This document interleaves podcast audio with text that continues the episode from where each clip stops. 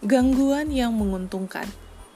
Saat Anda menemukan tujuan Anda di kehidupan dan mengejar impian Anda, Anda akan secara tidak terhindarkan semakin dan semakin memakai waktu Anda untuk melakukan apa yang paling Anda sukai. Itu baik. Anda dapat meraih impian Anda hanya jika Anda berfokus pada prioritas Anda. Tetapi sukses memerlukan sesuatu yang lain, disiplin. Salah satu cara terbaik yang saya tahu untuk meningkatkan disiplin adalah dengan melakukan sesuatu yang tidak Anda sukai setiap hari. Jika Anda belajar untuk melakukan apa yang harus Anda lakukan, Anda akan dapat melakukan apa pun yang Anda inginkan.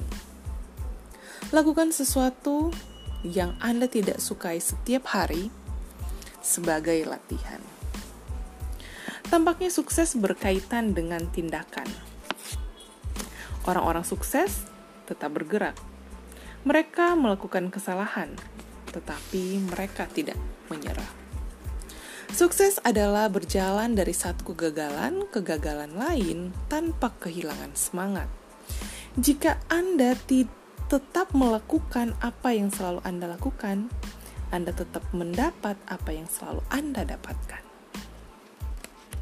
Bakat hanya pelengkap Dr. Benjamin Bloom dari Universitas Chicago mengadakan penelitian 5 tahun terhadap artis, olahragawan, dan sarjana terkemuka.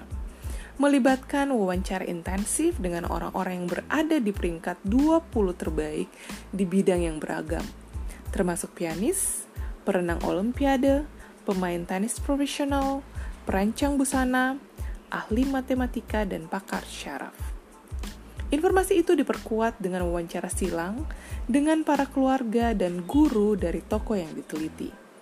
Dr. Bloom dan timnya akhirnya mengambil kesimpulan tentang bagaimana orang-orang sukses ini bertumbuh.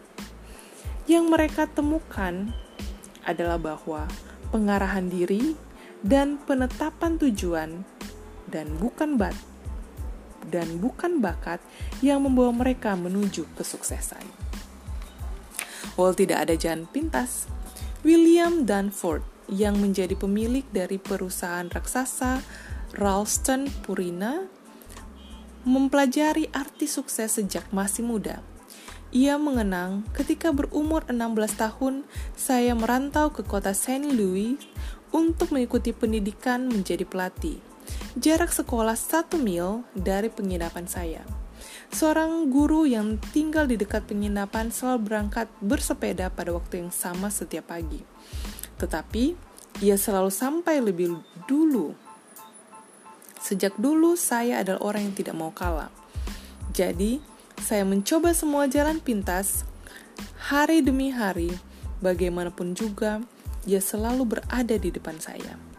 Kemudian saya akhirnya tahu bagaimana ia melakukannya. Setiap kali bertemu, persimpangan jalan, ia akan berlari menyeberang dengan membopong sepedanya. Hal yang membuat ia selalu berada di depan saya adalah hal tambahan kecil itu.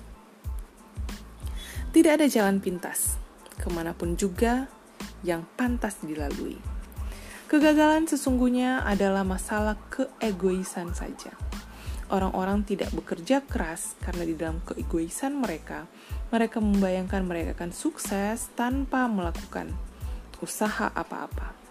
Kebanyakan orang percaya bahwa suatu hari mereka akan bangun dan menemukan diri mereka kaya. Sebetulnya, kepercayaan mereka baru benar separuhnya, sebab memang setiap hari mereka bangun.